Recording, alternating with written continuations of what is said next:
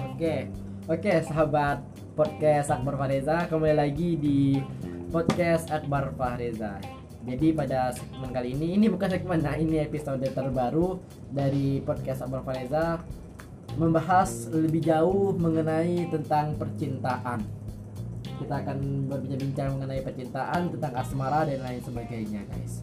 Nah, jadi sebelum mendengarkan podcast Akbar Fahreza, jangan lupa untuk follow IG Reza di FCHRZA02 dan klik tombol ikuti di platform aplikasi podcast tempat teman-teman mendengarkan podcast dari Reza.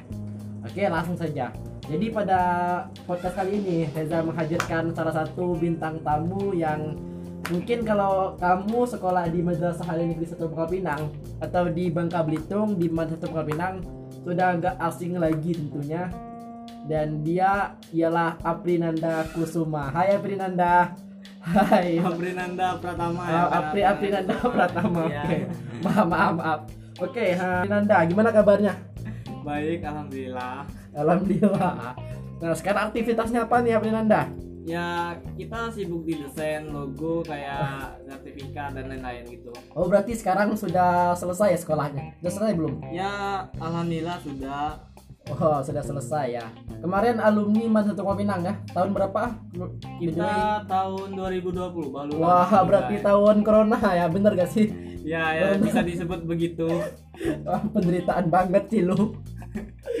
Tahunnya si corona. Iya. Jadi kemarin by the way ujian nasional gak? Eh, kebetulan enggak.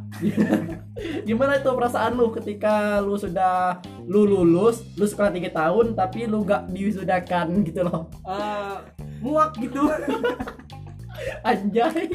Tiga tahun ya lulusnya lewat PDF. Bayangin dah. Oh, itu lewat file lah, bener gak sih? Iya, Oke, pakai lewat. PDF.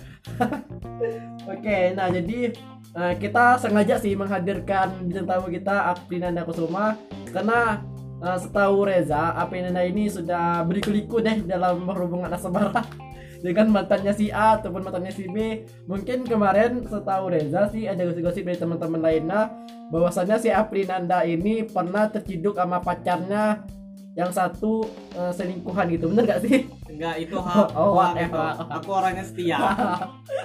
setia dalam sosmed. Oke, nah tapi Nanda, hmm, sekarang aktivitasnya buat desain ya kerja ya atau gimana sih? ya kita eh, bikin sebuah toko gitu nah di dalam toko itu kita bisa desain logo sertifikat angkat bagi kalian yang mau ikut gabung yuk kita boleh digabung di ibri.store ya Oke, ntar promote dan ntar promote ya. Kamu nggak bayar loh di sini, saya bayar loh ya. Ntar promote. Nah, itu ada segmen tersendiri. Oke, Aprinanda. Nah, way kan Aprinanda baru lulus dari SMA ya. Bener gak sih SMA? ya benar tapi tepatnya madrasah Madrasah ya. ya Oh, kita ya. ke alianya Jadi ustad dong. Bener gak? Ah, enggak juga sih banyak eh, kayak profesor gitu yang hadir dari madrasah bahkan kementerian kita juga dari madrasah Ya, nama juga Menteri Agama ya, dari madrasah ya. Oke, apa Nanda? Eh, lanjut aja, lanjut ya. Lanjut ke pembahasan inti kita. Nah, oke sebelum kita lanjut ke pembahasan intinya, Reza nih mau nanya nih ke apa Nanda, apa Nanda kuliah gak sih? Mau ada gak sih niatnya untuk melanjutkan di kuliah gitu? ya harus gitu niat niat sih ada kita eh udah dari kelas 10 eh, niat banget untuk eh, kuliah di tepatnya di IAIN SAS Bubble gitu Oh, di IAIN SAS ya. iya Nah, itu di negeri atau swasta sih? itu negeri Wah. Berarti ya Prinanda ini lumayan pintar juga sih. ya alhamdulillah. Kemarin lulus jalur ja- jalur tesnya itu tes gimana sih di Nah. di IAIN itu? kita lewat jalur yang ada kalau di jalur di madrasah itu yang namanya span Oh, PTKM. oh span PTKIN itu undangan ya bener gak ya sih? undangan undangan kita dari nilai raport gitu Oh, lu cukup pintar juga ternyata. lumayan lumayan Oke, lanjut. Ya, kalau pertanyaan selanjutnya, Epenanda. Kamu dapat di IAIN jurusan apa sih? Eh, kita dapat di psikologi Islam psikologi. iya Waduh, keren nih, keren keren nih. Jadi ntar the next bisa diundang lagi nih di podcast Reza tentang kita membahas mengenai psikolog psikolog si orang-orang sana. iya boleh Reza juga mau konseling boleh kayaknya Reza ada gitu. Oke, nah sebelum lanjut yuk minum dulu. Air minum sudah kami sediakan. pentor, pentor dari Coca. Ntar dia itu jadi sensor aja karena Coca-Cola gak bayar. itu sudah sebut aja Oh, dan sebut ya. Oke, cus dulu, cus dulu, cus dulu, cus. Oke, mantap. Minum, minum, minum, minum dulu. Santai ya. Oke, kalau boleh tahu nih, Amin Anda sekarang umurnya berapa sih? umurnya udah 18 tahun Oh, masih ABG anak berbudi. anak anak baru baru alim Oke, lanjut. Eh, hobi kira-kira nih hobi dari seorang Api Nandani apaan? Hobinya? hobi dari kecil eh, suka bikin robot-robot sederhana gitu Wow, robot sederhana. Berarti sudah ada belum ciptaan robotnya? sudah yang saya namain dengan X1 karena itu robot pertama saya yang Hmm. saya bikin dari eh, speaker dinamo sama PCB control Oke, lanjut lanjut lanjut nih, lanjut nih. Oke, sekarang kan Apinanda sudah berumur ke 18 tahun nah. Artinya hmm, sudah jadi ABG gitu, ABG anak baru gede nah. Apinanda ini ada gak sih pacarnya? By the way, enggak kita enggak boleh jomblo ya. Enggak, Bilang enggak aja boleh. jomblo. nggak boleh Nggak boleh. dan nggak bisa pacaran kita langsung eh, nikah dan pacaran sesudah nikah ya. Buat kalian yang pacaran nggak boleh ya. pacarannya sudah nikah aja. Iya katanya nggak boleh pacaran, tapi sekali diperiksa WA-nya, bu, satu dua tiga dari kontak pertama sampai kontak ujung terakhir. itu itu untuk jalani silaturahmi aja biar kita silaturahmi kita ikatan silaturahmi kita nggak putus. Oke, nah tadi kan Api Api ngomong kita itu tidak boleh pacaran gitu loh ya. Ah, ketika dalam cara seperti itu nih, ada gak sih perasaan dalam Anda itu mungkin normal lah kalau remaja, kalau kita mau berhubungan atau gimana sih intinya kepada lawan jenis, pasti ada kan normal kan? normal Oh, tapi normal. jangan terlalu itu nafsu namanya Jangan jangan jangan sampai suka sama jenis ya. Nah, itu ya kamu kamu kamu itu Oke, ya, lanjut. Ini kan Papi Nanda kan ntar lagi mau kuliah di psikolog nih. ya Nah, jadi setidaknya sudah baca-baca sedikit-sedikit dong mengenai ilmu-ilmu psikolog. ya dikit-dikit ada deh Ada ya. Nah, menurut apa Nanda, asmara itu penting nggak sih bagi remaja? asmara itu penting dan sifatnya normal menurut saya karena eh, itu membuat suatu ikatan antara dua jenis kelamin yang menimbulkan wui-wui cinta. Bibi cinta ujung-ujungnya memproduksi. nah kalau itu urusan mereka. Tugas Oke. saya hanya memperingatkan. Nah, seorang Aprinanda pernah nggak sih galau gitu loh, galau diputus pacar, mungkin mantan, saya kan? Kan belum pernah kan sekarang nggak pacaran lagi, Man- diputus mantan gitu dulunya dulunya. Eh, belum pernah sih diputusin adanya aku yang mutusin Wih, enggak lu sih, ya dominan lu bijak. uh, ada quotes quotesnya gini so, uh, bunyi quotesnya Gimana gimana? Ayo cepat kita uh, nungguin nih. nungguin ya Anjay lu.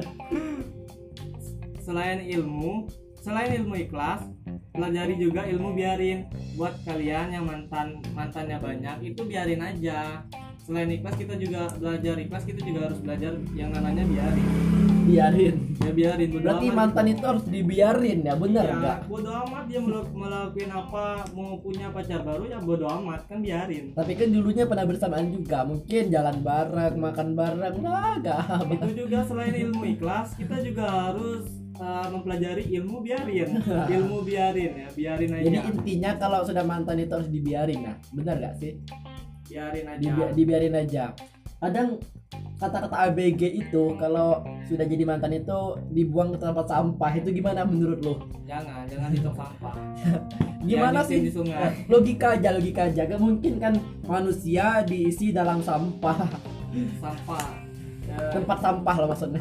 Kemungkinan kan berarti eh, itu cuman sekedar gimana ya, sekedar perumpamaan aja. Sampah itu dimaknai dengan kotoran. Jadi Jadi- kur- kurang-kurang lebih kalau cewek itu kalau mantan itu perumpamaannya sama dengan kotoran.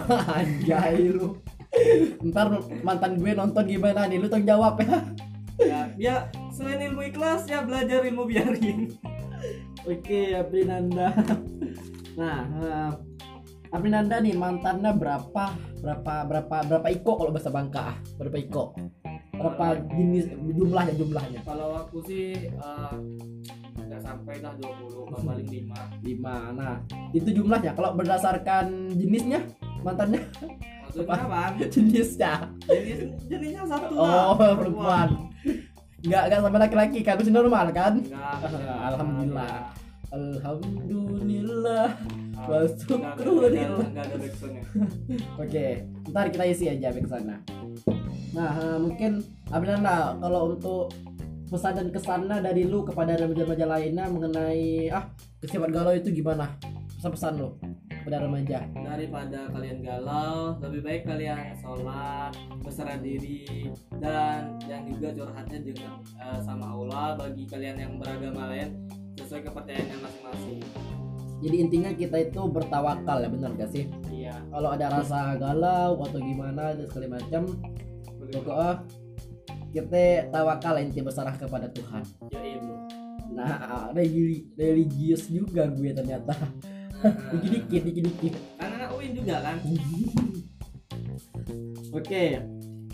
Apinanda ceritanya sih apa? Jadi mau jadi apa? Kepengen nah. Eh, kita mah aku mau jadi psikolog lah sesuai dengan jurusan Amin, nah, semoga tercapai. Ntar eh, jadi psikolog yang hebat. amin amin amin amin Ntar jadi psikolog jangan nyimpang-nyimpang takutnya. Paham juga sih lu. Paham kan kalau psikolog nyimpang-nyimpang itu gimana? kalau kita Ya, mah ke iya. ke dakwah ke dakwah Nah. Islamnya Intinya kita itu bener sih harus bisa menjaga diri sendiri aja dulu. ya. Oke. Ya. Oke, salam ya. Eh, semoga lu berhasil di kampus lu nanti dan semoga jadi psikolog yang handal dan bisa dipakai sama banyak orang. Oke, mungkin buat teman-teman yang mau request tema-tema podcast selanjutnya silakan di calling di DM aja IG Reza di SCHRZA02. Selain di DM jangan lupa di follow. Oke, teman-teman sekalian, tadi dari Sabang sampai Merauke tetap dengarkan podcast Akbar Fahreza. Salam, wassalamualaikum warahmatullahi wabarakatuh. Thank you very much.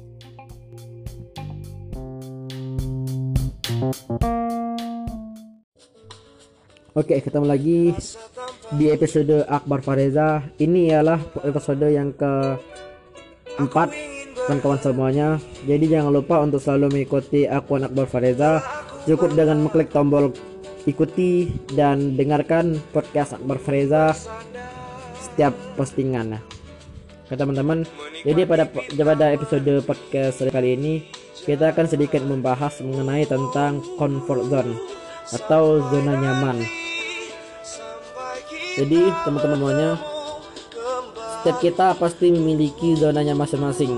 Zona kita tidak akan sama dengan teman kita, dan zona teman kita mungkin tidak sama dengan zona kita.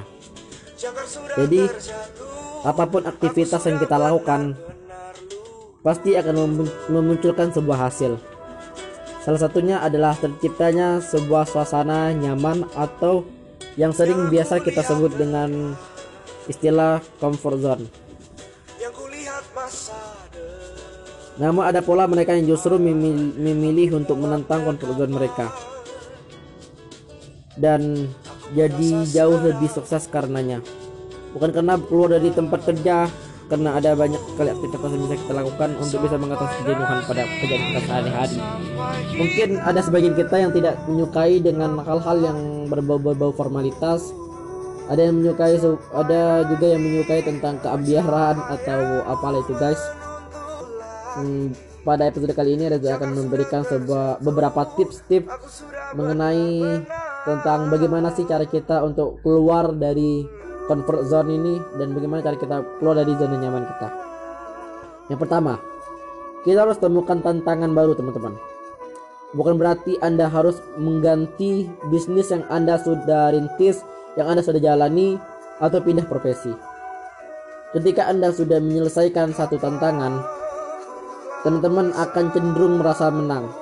Jika Anda membiarkan diri Anda terlalu lama tanpa tantangan atau target terbaru, maka proyek kerjaan yang Anda jalani atau bisnis yang sedang Anda asuh akan terasa hambar dan tidak berbuah dan tidak uh, menghasilkan apa-apa.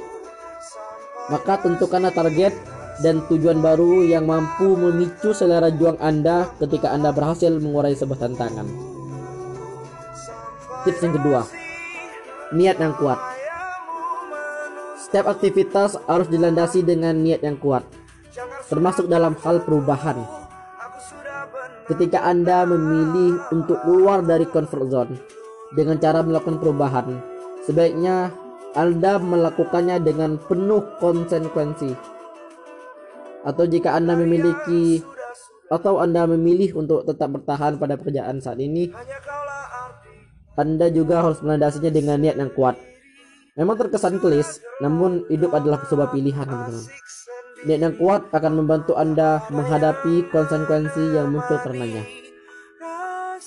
Tips ketiga, mulailah untuk mengevakuasi diri, mengevaluasi diri. Menilai atau mengevaluasi diri juga diperlukan ketika Anda ingin berubah. Anda perlu mengetahui dulu apakah sebuah goal dalam hidup Anda sudah terlaksana atau minimal Anda kini tengah dalam proses tercapainya.